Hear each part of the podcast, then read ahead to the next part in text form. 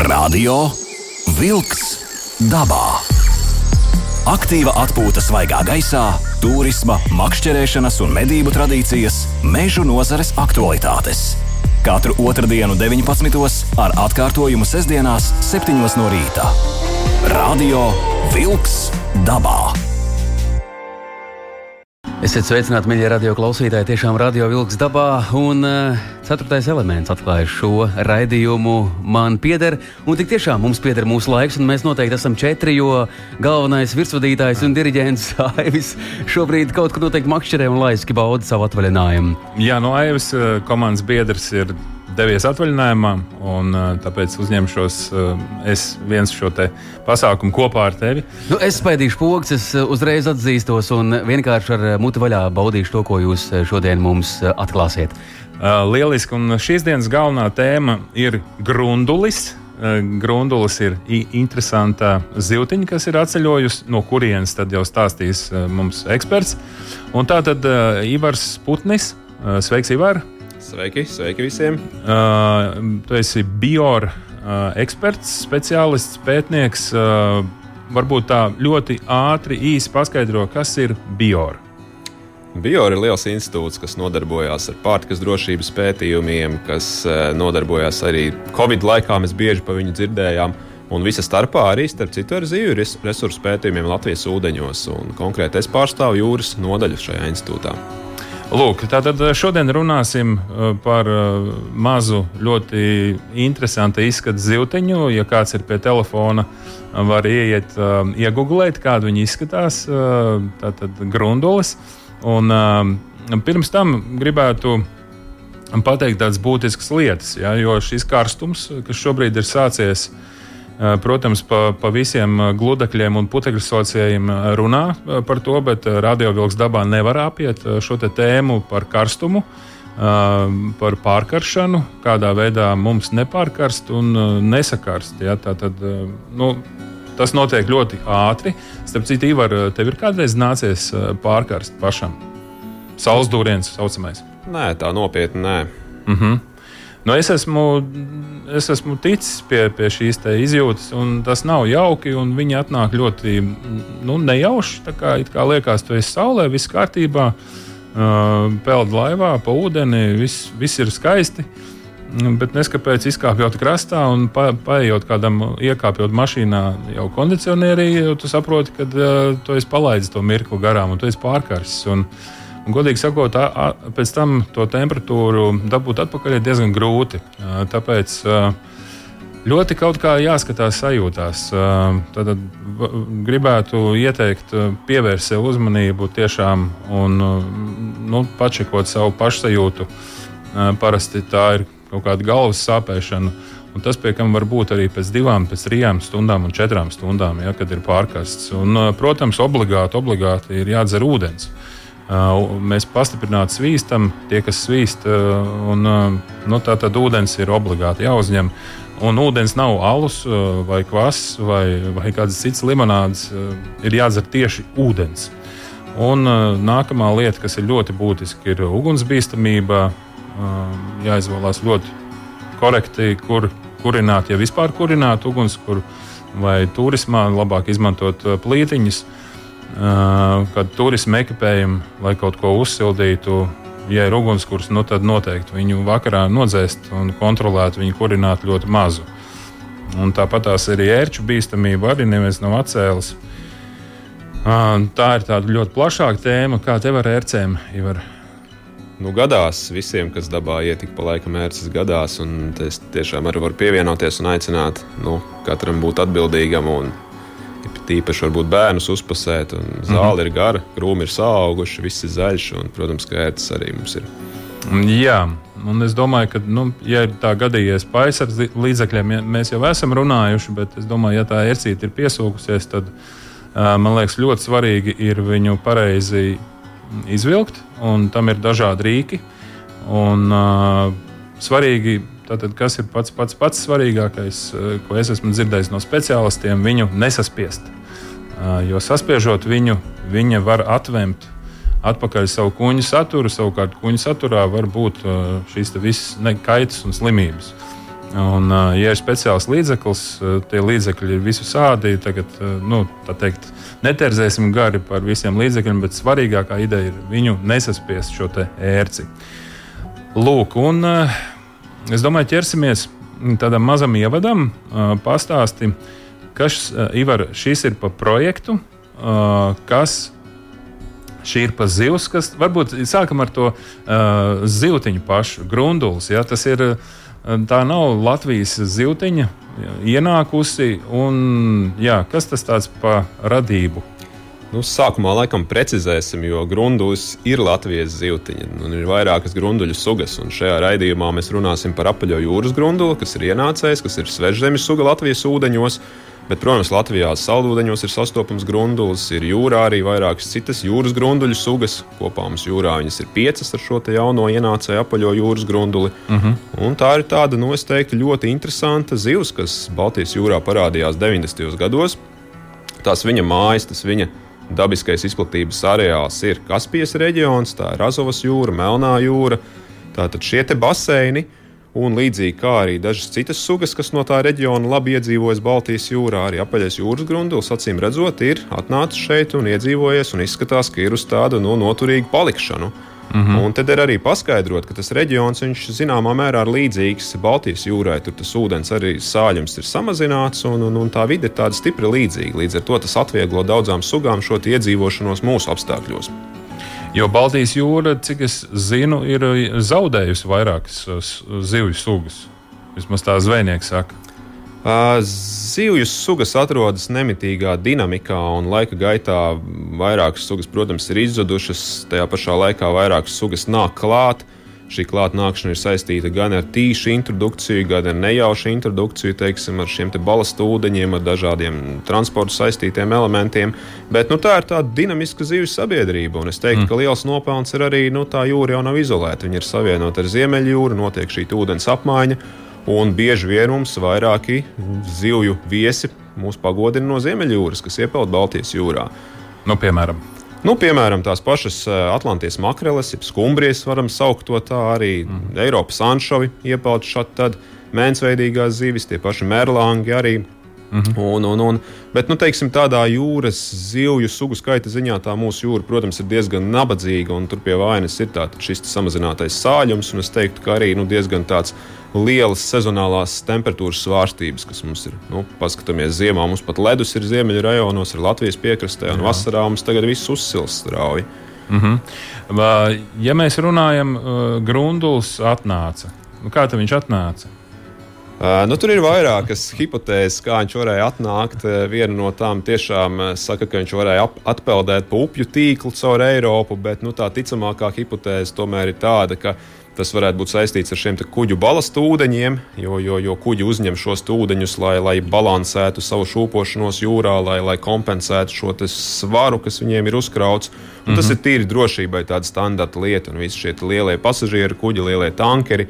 Viņiem apakšā ir milzīgas ūdens tvertnes, kurās periodiski tiek iepumpēts, izpumpēts ūdens laukā. Mm -hmm. Un tas ir tāds, nu, bezmaksas taksometrs jūras iemītniekiem. Un tad, nu, tie, nu, kuri ir izturīgāki un, un, un spēj šo ceļojumu pārciest, tie arī pārvietojās. Un šī suga apaļais jūras grundulis tādā ziņā ir ļoti izturīga. Gan šie tīkri, gan kāpuri ļoti labi šajos balastu ūdens tankos pārvietojās. Tad iznāk uh, lielais kaut kāds tankers, lielais kuģis, uh, uzpilda savos tankos šos balastu ūdeņus. Un uh, starp šiem ūdeņiem ir arī nu, daž, dažādas zivis, uh, tā skaitā grundulis. Un uh, Gruntuls, teikt, bezmaksas pasažieris, uh, ceļo, ceļo uz šejieni. Ja? Nu, tur, protams, ar vienu kuģi būs pa maz laikam, ne? Uh, bet, uh, Nu, visādi var būt, jo jāsaprot, ka tas uh, tankeris, nu, viņš tāds zoodārs ir liels īstenībā. Nu, tur ne tikai zivis, tur faktiski ļoti daudz un dažādi organismi var tikt pārvesti. Un tālāk jau tas lielais jautājums ir, kas ar viņiem notiek šeit jaunajā vidē. Un, un, un mhm. liela daļa, protams, no viņiem nespēja iedzīvoties. Nu, mums atnāk augsta ziema un, un, un daļa apsalst. Jā. Tāpat tās arī šī ūdens vide varbūt nav tik sāļa, tik piemērota kā, kā citviet jūrās un okeānos, bet, bet nu, daļa tie izturīgākie, tie, tie šādi tad iedzīvojās. Un tas svežzemes sugu skaits Baltijas jūrā, ja mēs skatāmies, un tā kopā pāris simti sugām ir -hmm. vēsturiski ienākušas. Jā, jo tā ir tāda nu, šī laikmeta pazīme, ka tas vispār tā ir iespējams. Jo citādi, ja, nu, ja mēs tā paļaujamies uz šo metodi, Uh, tad uh, viņš te nekad nenāktu, vai nu, tam jābūt ļoti lēnam, un ilgam un garam procesam. Tā var teikt. Jā, jā protams, tas ir tāds cilvēka radīts instruments, kas šos bioloģiskos procesus pātrina. Un, ja mēs paskatāmies arī to pašu kuģniecības intensitāti jūras transportā, jā, Un tas ir fantastisks kuģu skaits. Jebkurš mūsdienās var apskatīties internetā, ir tāda vietne, arī trafika, un paskatīties, cik daudz tie kuģi ir vienlaicīgi tajās jūrās. Un, un, un tur, tur tāda, tāda ātrgaitas šose ir. Mm -hmm. un, un, un tiešām nu, visas iespējas sugām ir ceļot. Radio Wolks dabā. Aiziet dabā! Tik aizraujoši aizkulisēs eh, parunāt un mēģināt izprast un saprast to visu, kas notiek dabā. Un vēl jau vairāk, kā viens mm, grundulis spēja iedzīvoties tā kārtīgi, mēs tik ātri neražojamies. Nekādīgi nevaram būt un nevaram apdzīt šo visu. Kas to lai zina? Interesanti. 19 un 23 minūtes mīļiem radio vilks dabā. Turpinām. Turpinām sarunu. Jā, Ivars Putnis, eh, bioeksperts, pētnieks eh, mums šeit studijā. Un, nu, tad turpinam, turpinam šo stāstu un atklājam, kas tas ir pa pētījumu, kāpēc, kas tad tiks tagad pētīts, ko, ko tad meklēs pētnieki šajā grundulī, jūras apaļajā. Nu, jāsaka tā, ka grunduli mēs pētām patiesībā patstāvīgi jau sākot no viņa parādīšanās brīža Latvijas piekrastē, un, un, un varbūt nedaudz pāris vārdos par šo pētījumu, kas ir tāds Eiropas Savienības tāds LIFE programmas projekts, īsais nosaukums Life Reef projekts, kur ietvaros īstenībā ļoti daudz aktivitātes. Tas galvenais mērķis ir papētīt aizsargājumās teritorijas Baltijas jūrā, iespējams reģionus, kur varētu nākotnē jaunas teritorijas veidot, tātad saprast, kādas dabas vērtības tur ir atrodamas. Un, mm. un, un teiksim, nu, projekta ietvaros tas ir tas lielākais fokus. Nu, tātad uh, projekts nav tikai par grunduli, tas ne, ir milzīgs, ne, ne. liels projekts pa vispār pa Baltijas jūru. Jā, līdzīgi kā citi Life programmas projekti, tas ir liela mēroga projekts pa Baltijas jūru, kurš vairākus gadus ilgs.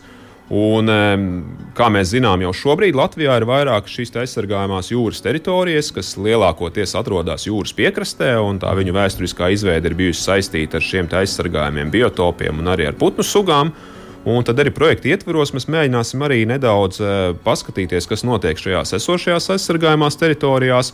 Un šis apaļais jūras grundulis, nu, zināmā mērā, ir, varētu teikt, tāds kā drauds arī šīm aizsargājumām dabas teritorijām, jo, jo nu, tā viņa biomasa ir pietiekami augsta mūsdienās, viņš intensīvi barojās. Un nu, rada šo negatīvo ietekmi uz, uz, uz šo vietējo gan, gan dzīvnieku sabiedrību, gan arī uz še, šīm dzīvotnēm. Līdz ar to projekta mērķis, viens no mērķiem ir arī izstrādāt varbūt tādus nu, zinātniski pamatotus ieteikumus šai sugas apsaimniekošanai, mm -hmm. kā mums būtu ar viņu varbūt tās attiecības jāveido, jo, jo viens no tādiem efektīvākajiem mehānismiem tas nav nos, noslēpums. Tā ir, protams, komerciālā zveja. Mm -hmm. Un, un, un teiksim, nu, organizējot šo te komerciālo zveju, ir svarīgi to arī nu, darīt dabai draudzīgā veidā, izvēlēties atbilstošas sezonas, atbilstošas rīkus, atbilstošas vietas, teiksim, lai nu, šis te kaitējums dabai, šīs piezvejas un, un, un varbūt citas sugas ko mēs noķeram, neizbēgami nu, būtu mazāks. Līdz ar to mēs projekta ietvaros gribam saprast, kā ar to apaļo jūras grunduli arī varētu mēģināt cīnīties un, un, un gūt kaut kādu arī labumu no tā Latvijā. Nu, ja kāds nezina, un noteikti es domāju, daudz klausītāju nezina, jo mums grunduļi kūpināto zivju sarakstā un plauktiņā, kur tirgo kūpinātas zivs un citādas zivs, jau īstenībā nav. Bet noslēpums ir tajā, ka tā ir uh, ļoti spēcīga eksporta zivtiņa zvejniekiem. Nu jā, nevarētu teikt, ka nav šādi, tad viņi parādās, bet teiksim, nu, mums tāda konservatīva tā sabiedrība, laikam tā jāsaka, ir. Un, un, un, un varbūt tās nu, šādi baidās pamēģināt kaut ko jaunu, un tā zivs no nu, ārēji varbūt kādam arī neliekās ļoti simpātiska un, un, un tāda nu, apaļa, tumša, melna ziltiņa. Jā, un, un, un, nu, jāmācās viņu patērēt. Nu, jā, šobrīd, šobrīd nu, tas noiet tirgus tiešām ir ārpus Latvijas pārsvarā šai zivī. Nu, jā, un šeit, eh, man liekas, lielākais, cik es eh, saprotu, mēs tajā aizkadrā parunājām, ka lielākais noiet tirgus ir šī Ukrainas Melnās jūras piekraste, kur tu pateici, viņi tur eh, restorānā servē. Tad tur tā ir ļoti saprotama zivs. Jā, viņiem ir tādas varbūt arī. Nu, vēsturiskas tradīcijas viņi patērēt uzturā, un, un, un vēsturiski tā ir arī teiksim, tāda ļoti nopietna suga bijusi, kas viņiem arī dažādus bada laikus ir palīdzējis pārciest. Un, un, un pat pie Azovas jūras pat ir viena pilsētiņa, kur piemineklis šai sugai ir uz, izveidots. Un, mm. un tas ir tāds nu, kulta status, es teiktu, šai te zivij. Un, un, un tiešām tāds nu, paradoks sanāk, viņa ir atnākusi no turienes šeit. Te mēs viņu ķeram un vedam atpakaļ, kur, kur viņu māca apēst un, un, un tur, tur augstā cieņā. Nu jā, tu teici, tā ir otrā nosvējotākā zivs eh, zvejniekiem. Latvijas piekrastē jā, pēdējos gados aiz reņģis tā ir otra zvejotākā suga pēc šīm nozvejas biomasām. Un, un, un. Nu, tev kā pētniekam tas varētu būt uh, nu, milzīgi jautājums zīme, kā viņš var tik ļoti labi iedzīvoties uh, pilnīgi svešā vietā. Jā. Nu, labi, ir līdzības, protams, bet tomēr. Nu jā, nu te lielā mērā ir jāskatās uz viņa ekoloģiju, uz viņa stiprajām pusēm. Tādas viņam ir vairākas, starp citu, un, un, un varbūt es varu pat pasaukt, ar ko viņš Noteikti. ir tāds nu, īpašs. Teiksim, teiksim, viena no, tādu, nu, no tādām īpašībām ir tas, ka viņš ir ļoti neizvēlīgs barības ziņā. Viņš faktiski var baroties ar visu, ko viņš atrod tajā piekrastē.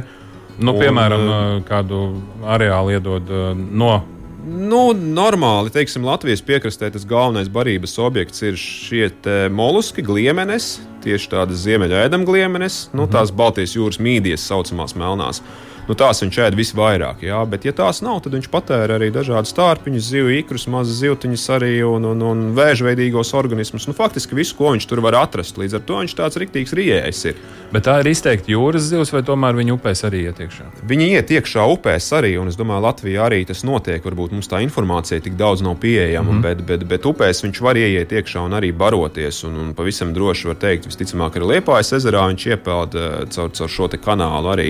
Un, un, un tas, kas viņam varbūt tās ir tas faktors, kas viņu nu, būtiski ierobežo, ir tas augstais ūdens sāļums. Viņam nepatīk tāds tipisks jūras ūdens. Jā, ja mēs skatāmies uz dāņu šaurumiem, nu, tad viņš Baltijas jūrā nu, pazūd kā nazi nogriež tur. Jā. Uh mhm. -huh. bet, bet, bet jā, nu, turpinot par šīm stiprajām pusēm, tātad barošanās ir viens. Otrs ir tas, ka viņš ir diezgan agresīvs, bezskaunīgs. Viņ, viņš, viņš izkonkurē vietējās sugas, cīnās par šīm dzīvotnēm padzena varbūt konkurentus nost un, un, un nu, iegūst sev labākos eh, dzīvoklīšus, kur dzīvot piekrastē, tā var teikt. Mm -hmm. Un arī šis nārsts ir interesants, jo, jo nārsts to viņš nevis vienā piegājienā, kā liela daļa no citām zivju sugām, bet viņam tas nārsts ir tādās porcijās sadalīts. Līdz ar to tā mm. nārsta sezona ir gara, un mātīte var vairākas reizes nārstot tajā nārsta sezonā. Un, ko tas zivju pasaulē nozīmē? Tas nozīmē to, ka paaugstinās šī varbūtība, ka nu, vismaz kādai no, kādai no šīm tīkru porcijām būs labi apstākļi, lai viņi izdzīvotu. Jo, jo zivība, nu, tā mirstība ir fenomenāla ikra stadijās. Iedomājamies, ja tie ikri izdzīvot visi tie tūkstoši un miljoni, kas tajās zivīs ir. Nu, pasak, pasak šo te, ja, ja tas notika dabiski, tad, nu, es nezinu, miljons ikri un. Nu, tur grūti pateikt, 99% iet bojā. Jo, jo, jo, ja izdzīvot vairāk, tad, protams, šīs zivis ļoti strauji savairotos. Un, un, un, un šeit, jā, un pēc nārsta arī šos, šīs nārsta vietas tēviņa apsargā un, un, un arī padzen no citas zivis, un, un, un viss tas kopā rada ap, nu, to, to efektu, ka viņš labi šeit jūtās. Un, un, un par to liecina arī tas, ka viņš labi aug. Viņš ir liels, viņš ir lielāks nekā savā dabiskajā izplatības areālā. Un... Uh mhm, -huh, tā tad aug ātrāk. Ja? Jā, jā. jā. Un uh, lielākā koncentrācija, cik es zinu, ir ap liepāju, ap karostu, jo tur makšķernieki uz šī karostas mola un citiem moliem uh, viņu makšķerē. Tātad tā makšķernieku arī zivs ir kļuvusi. Un, uh, nu, tomēr pamatu pamats jau ir zvejnieki. Jā, protams, pamatu pamats ir zvejnieki, un zvejnieki pēdējos gados tiešām ir arī mērķtiecīgi pievērsušies šai sugas ieguvēji. Arī mēs, kā institūts, esam arī vairākus šos rekomendācijas pasākumus izstrādājuši gan, gan par šo zvejas sezonas regulēšanu, gan par specifiskiem zvejas rīkiem, ar ko šī zveja būtu jāorganizē. Līdz ar to nu, teiksim, tā nozare ir nu, diezgan attīstījusies. Es nebaidos teikt, ka Baltijas jūras reģionā nu, Latvijā ir lielākās šīs sugas nozvejas mūsdienās. Un, Un, un, un zvejnieki malači jā, ir pielāgojušies šai situācijai. Nu, un tad pats eh, paša pētījuma sākuma uzdevums pirmais. Ja? Tātad, eh, kas tiek eh, vākts un kādi ir šie noteikumi un kāda ir šobrīd nu, procesa gaita? Nu, pētījums tieši tā sadaļa papaļiem jūras grunduļiem šobrīd ir tādā fāzē, ka mēs mēģinām saprast, kāds ir tas viņa izplatības areāls Latvijas piekrastē, teiksim, domājot nu, par vienas zivs pārvietošanos pa migrācijām. Kādi ir tie attālumi, ko tā zivs var pārvarēt? Jā? Tas nozīmē, ka ir jāsavāc uh, pacienti, viņi jāiezīmē. Jā, tas nozīmē, ka mums jādabū ir pacienti, jāpadara viņi atšķirīgi, lai mēs spētu viņus identificēt pēc tam. Jā, pastāst par šo sadaļu un uh, uz ko mēs varam aicināt. Jo es saprotu, ka šobrīd uh, nu, vēl nav savākts pietiekams skaits ar draugiem, grunduļiem. Jā, mēs projekta ietveros um, centīsimies šogad un nākamajā gadā iezīmēt 8000 apaļos jūras grunduļus. Tas ir visā Latvijas piekrastē, gan Rīgas līcī, gan arī jūras atklātās daļas piekrastē. Un šogad mēs esam šobrīd nedaudz zem 2000. Jā, un, un šo iezīmēšanas sezonu beigsim un turpināsim nākamajā gadā. Jo teiksim, nu, tas, tas, tas, tas mēs mērķējam uz to aktīvās zvejas sezonu, kad viņš tiek zvejots, kas Latvijas piekrastē ir no aprīļa līdz eh, jūnija beigām. Tas laika periods, tad tā suga ir visaktīvākā un tad viņi vislabāk var noķert. Nu, labi, bet eh, ja jūlijā, augustā iznāk noķert, Nē, tad, protams, visi zvejnieki ir aicināti padalīties ar šo informāciju. Un, un, nu, arī makšķernieki. Protams, arī makšķernieki, jā, un, un lielā mērā teiksim, šādu pētījumu sekmes ir atkarīgas no sabiedrības iesaistes, no sabiedrības aktivitātes. Jo mūsu uzdevums, tas, ko mēs šobrīd darām, mēs sadarbojoties arī ar zvejniekiem, viņus ņemam no zvejas rīkiem laukā, konkrēti no murdiem, kur viņi ir labā kondīcijā dzīvi sašājam viņiem mugurās tādas mazas zīmītes, tādus kā krāsainus, sarkanus spagetti, tādus, tādus pavadienus, uh mhm. -huh. uz kā ir virsū rakstīts bio Rīga un numurs, četrciparu kods. Un nomēram šīs zivis un, un, un pavedam no šīs zvēs rīka un izlaižam, piefiksējot šo izlaišanas vietu. Un tālāk jau mums interesē, nu, kur tad būs tie atkārtotie noķeršanas gadījumi. Vai tas ir viss pie tā paša zvejnieka, vai tas ir tās pašas pašvaldības ietvaros, vai tas ir arī kaut kur tālāk, eh, kaimiņu novados, iespējams, arī. Nu, lai saprastu, cik tā zivtiņa nu, tālu pārvietojās. Tātad šobrīd 2000 grunduļi jau peldi iezīmēti Baltijas jūrā. Pareizi, nu, aptuveni nepilni 2000, jā, jā. jau peld. Bet uh, vēl var kaut kā cilvēki reaģēt uz šo pasākumu? Protams, visu laiku cilvēki ir aicināti reaģēt un pievērst uzmanību šīm noķertajām zivīm. Jo... Nu, labi, es noķeru grunduli. Kas man tālāk jādara? Tālāk, tālāk ir jāsazinās ar mūsu institūtu, ar Bioru. Uh mhm. -huh. un, un, un mūsu institūta mājaslapā ir arī atrodams viss šis apraksts. Nu, Jā. tas ir ļoti vienkārši. Īstenībā mums interesē fiksēt noķeršanas vietu, noķeršanas laiku. Uh, Um, nu, vēlams ļoti noķeršanas vietas koordinātas, lai mēs var, varētu iegūt pēc iespējas precīzāk šo informāciju. Nu, nu, ja tas ir jau... krastā, tas ir vienkāršāk, ja tas ir dziļumā. Nu, jā, nu, un jāsaka tā, godīgi sakot, tie, kas ir krastā izskaloti, varbūt bojā gājušie pēc nāves, daļa iet bojā. Nu, viņi lielu pienesumu šim pētījumam nedos, jo faktiski šīs zivs var iet bojā kaut kādā vienā pašvaldībā, pēc tam ar jūras straumēm var tikt aiznest pavisam kur citur. Tas mhm. vērtīgākā informācija ir tieši no dzīvām noķertām zivīm, gan, gan zvejnieku lomos, gan arī makšķernieku lomos. Mhm.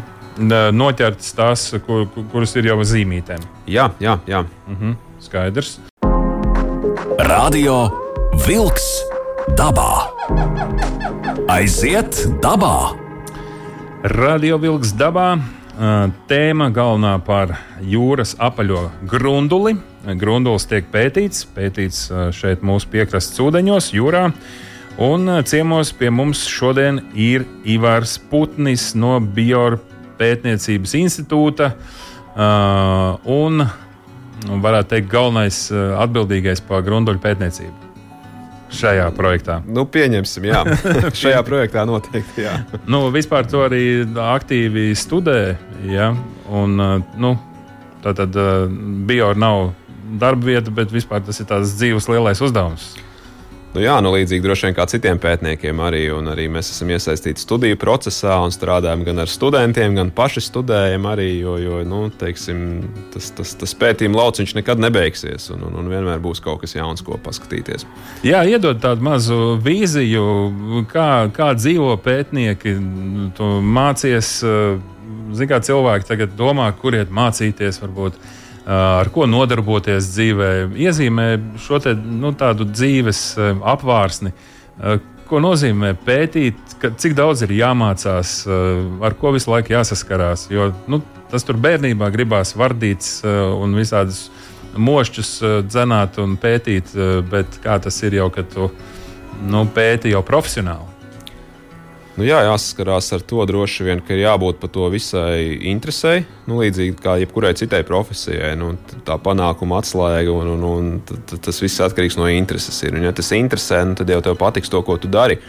Un, un, un teiksim, nu jā, nu, ko tas praksē nozīmē? Praksē nozīmē to, ka, protams, pirms tam tev ir jāiegūst zināšanas, ir jāapgūst šī profesija, ir jāmācās, ir, ir jāsaprot daudzas dabas likumsakarības, ne tikai zivis, bet arī daudz kas cits, kā šī vide funkcionē. Mm -hmm. Un, teiksim, šie te praktiskie pētījumi, nu, es tur tā varētu divas fāzes izdalīt. Viena tā fāze ir, kas bieži vien ir tā interesantākā un kas students varbūt vairāk pievelk, tā ir tā informācijas ieguve, tie lauku pētījumi, braukšana dabā, braukšana jūrā. Un te atkal tas jau viss no cilvēka ir atkarīgs. Un, un, un tam, kam tas viss patīk, un, un, un kam jūrā nav slikti, kam jūrā patīk. Un, un, un tas, tas, tas viss ir tāds nu, romantisks pasākums, un, mm -hmm. un kā tu iegūsi šo informāciju. Un tālāk jau varbūt tā otra mm, varbūt tāda rutīnas daļa ir sēdēt laboratorijā, apstrādāt šos datus, noteikt dzīvību vecumus, šos bioloģiskos parametrus vākt un, un, un šo informāciju likt kopā. Mm -hmm. Un tas nākamais solis jau ir mēģināt izlobīt, nu, kas no tā visa iznāk laukā. Un tur jau sākas matemātika, tur sākas statistika, un tur sākas šīs te, nu, jau avansētās metodes, un, un, un tā, tā beigās top zinātne. Bet nu, tas viss ir tāds kā pulksteņa mehānisms, kur no katra šī posma, no katra zobratiņa, nu, tas viss ir atkarīgs no kā tas kustēsies. Te nav jums kaut kāda sadarbība, jo, ja Ukrāņi tās zivs ir ķērušas ja simtiem gadu, tur taču arī ir kaut kāda dati, datu bāze. Tomēr neizmantojot, nav šī sadarbība starp valstu. Um, cenšamies izmantot, varbūt pagaidām ne tik ļoti kā varētu, bet padomi ir vairāki uz visādiem nākotnes projektiem, kā varētu startēt. Jo nu, nav noslēpums, ka visā Baltijas jūras reģionā šī suga ir diezgan aktuāla. Un arī poļi, teiksim, arī zviedri nu, domā, ko ar viņu darīt un kā veicināt šo nozveju. Un, un, un nākotnē ir doma varbūt ciešāk arī sadarboties ar šiem Ukraiņas reģiona iedzīvotājiem un arī varbūt tās izprast tos, tos viņu zvejas metodus, tos viņu paradumus, kā viņi ievāc šo informāciju. Un, un, un, jā, jā, jā, tas ir tāds labs punkts, bet nu, šobrīd ir nu, jāsaka tā, ka katra ekosistēma ir atsevišķa, at, atšķirīga, un tā Baltijas jūra arī savā ziņā nu, ir tāda, nu, atšķirās no šīs Azo, Azovas jūras, Melnās jūras, Kaspijas jūras. Līdz ar to nu, nu, tā informācijas apjoms arī nu, tur jāsaprot, nu, cik lielā mērā mēs varam ko izmantot. Un, mm -hmm. Labāk, protams, iegūt savus datus un, un, un savus rezultātus šeit pat. Jā, tātad mēs nonācām pie tā, ka šobrīd peld aptuveni 2000 grunduļi uh, pa Baltijas jūru. Iezīmēti. Iezīmēti, jā. jā peld daudz vairāk, jā. Un šī ļoti izturīgā un noturīgā un ļoti lielu spēku sev pieteikusi zivju suga ir nostabilizējusies. Faktiski kā otrā spēcīgākā, varētu tā teikt, šobrīd Baltijas jūrā. Nu, piekrastē varētu piekrastē, tā teikt. Ja? Nu, jūrā, protams, dominē reņģis, brētliņas, bet piekrastē, bet tas atkal jau ir atkarīgs no reģiona. Viņš nav vienmērīgi no, sadalīts. Tā, tā, tā milzu masa nav, nav visur, visur vien, vienādi pieaugusi. Un ir reģioni, kā jau mēs arī runājām, Latvijā, tāpat Liepājas piekraste, kur viņš ir vairāk. Uh mhm. -huh. un lielā mērā tas ar dzīvotnēm piemērotām ir saistīts, kur laba barības bāze, kur viņam šīs nārsta vietas, slēptuves, un nu, tur viņš labi jūtās un, un labi aug. Jā. Un tātad eh, šis jūsu process, kad jūs iezīmējat, vispār pastāstīt īsumā. Uh, domāju, cilvēkiem interesē par tām zīmītēm, ko tu teici, iešauj. Kādas ir, nu, citiem kas saka, Dievs, tagad zivī jāpeld ar kaut kādu tur lupatiņu vai kaut kādu, kā tu teici, spagetī. Kas tas, cik tas ir humāni? Uh, Nu, tas, cik humāni ir filozofisks jautājums, bet nu, no, nu, teiksim, šī iezīmēšana tā ir tāda nu, klasiska disciplīna ihtioloģijā. Un, nu, nav jau tā, ka mēs tās mazās zivis iezīmējam ar eh, pusmetru garām zīmītēm, un, un, un palaks vēl kās līdzi. Nebūtu nē, un, un šis zīmīšu izmērs ir pielāgots ar zivs izmēru. Mm. Un es arī varu atklāt teiksim, tādu nu, interesantu faktu, ka šīs zīmītes patiesībā tikai dažās pasaules valstīs izgatavo. Un, un, un tad, kad mēs viņus centāmies pirkt, tās reālās iespējas bija iegādāties viņas Ziemeļamerikā vai arī Austrālijā. Un beigās šī zīmīte no Austrālijas atceļo šeit uz Latviju. Iedomājies. Nu, par, jā, iedomājies. Paraugoties to zīmīti, nu, tāds maziņš plastikāts spagetī liekas nu, līdzīgi kā apģērbils. Mēs šaujam šos, šo, šīs birkas iekšā. Jā. Bet, bet, bet, bet jā, acīm redzot, šis ražošanas process nu, ir diezgan tāds, nu, varbūt tās netik vienkārši, lai precīzi šīs zīmītes uztaisītu ar visiem cipariem, ar visu tā, lai viņas arī turās. Jo arī te jāpasaka, tas tips zīmīšu tips ir tie saucamie tībāri, jeb benkur tipa zīmītes ar Jā. tādu T veida pamatnīti.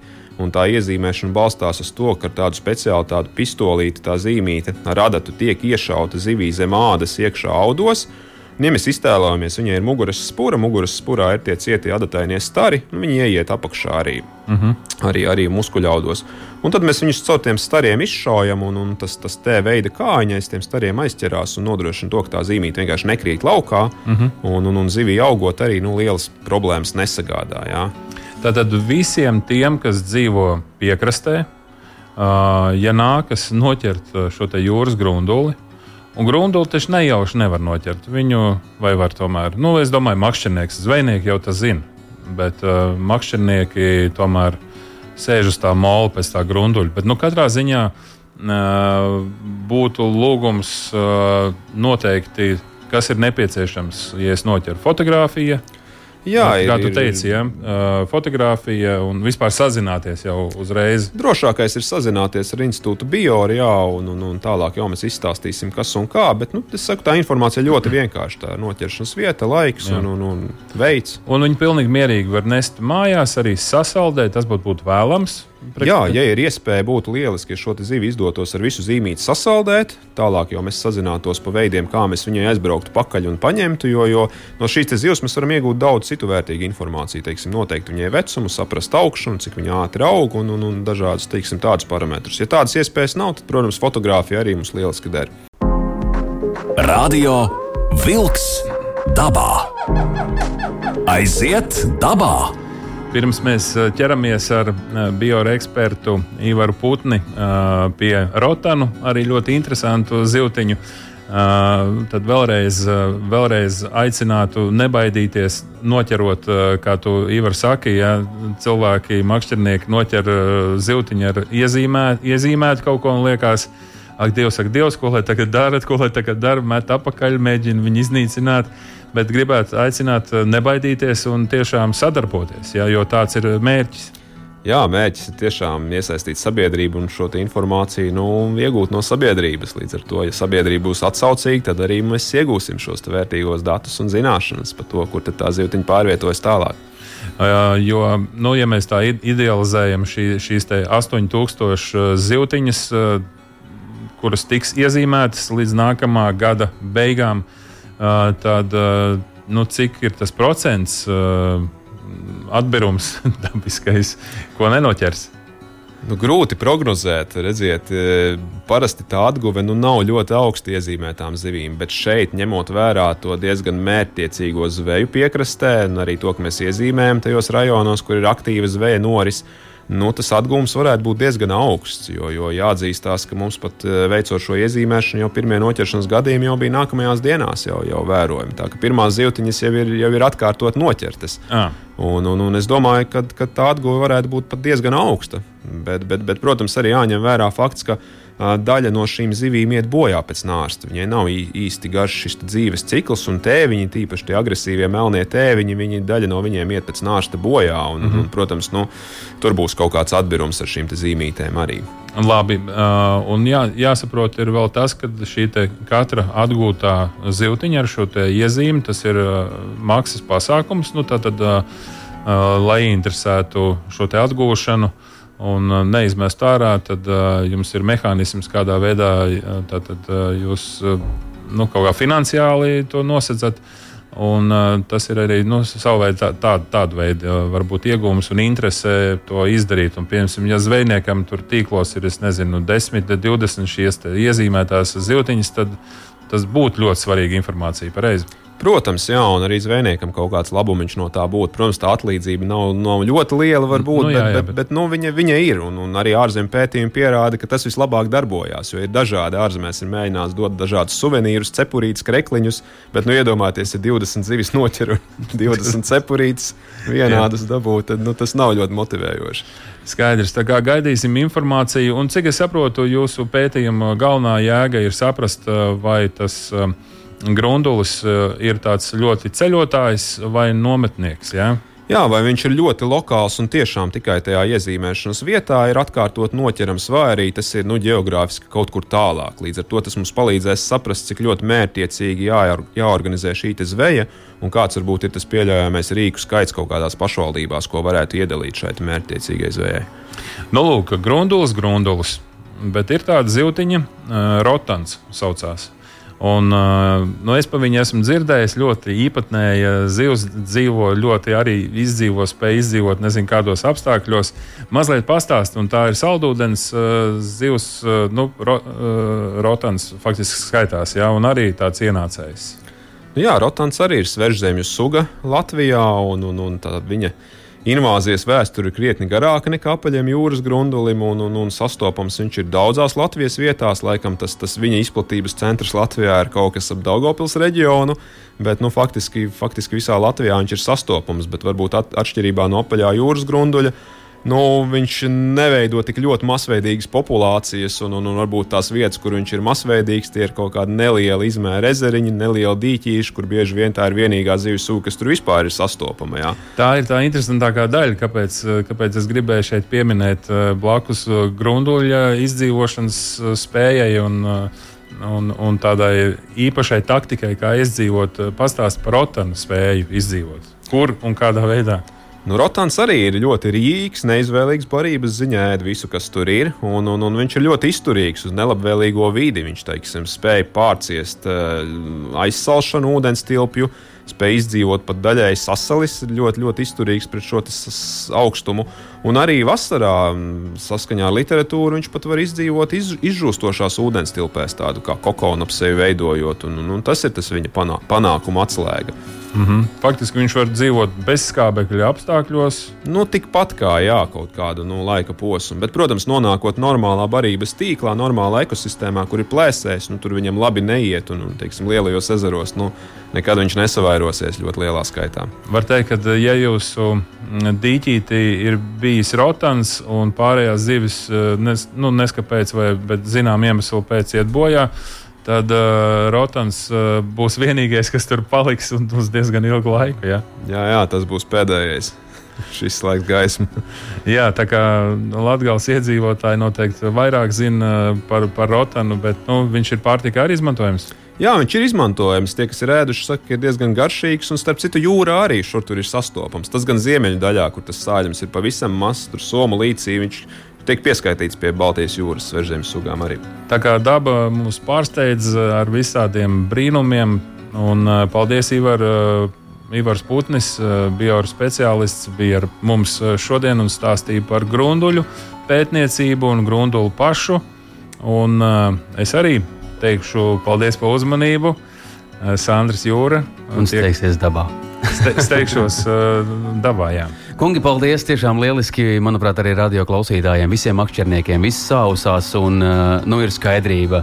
Ka var doties uz liepājas pusi, pasēdēt, varbūt ka veicas kaut ko atrast tādu ļoti, ļoti vērtīgu, nozīmīgu un nodot jums datus, kurus varēsiet pētīt.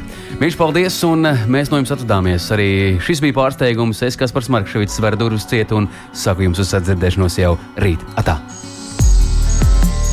Izskan raidījums Radio Vilks dabā!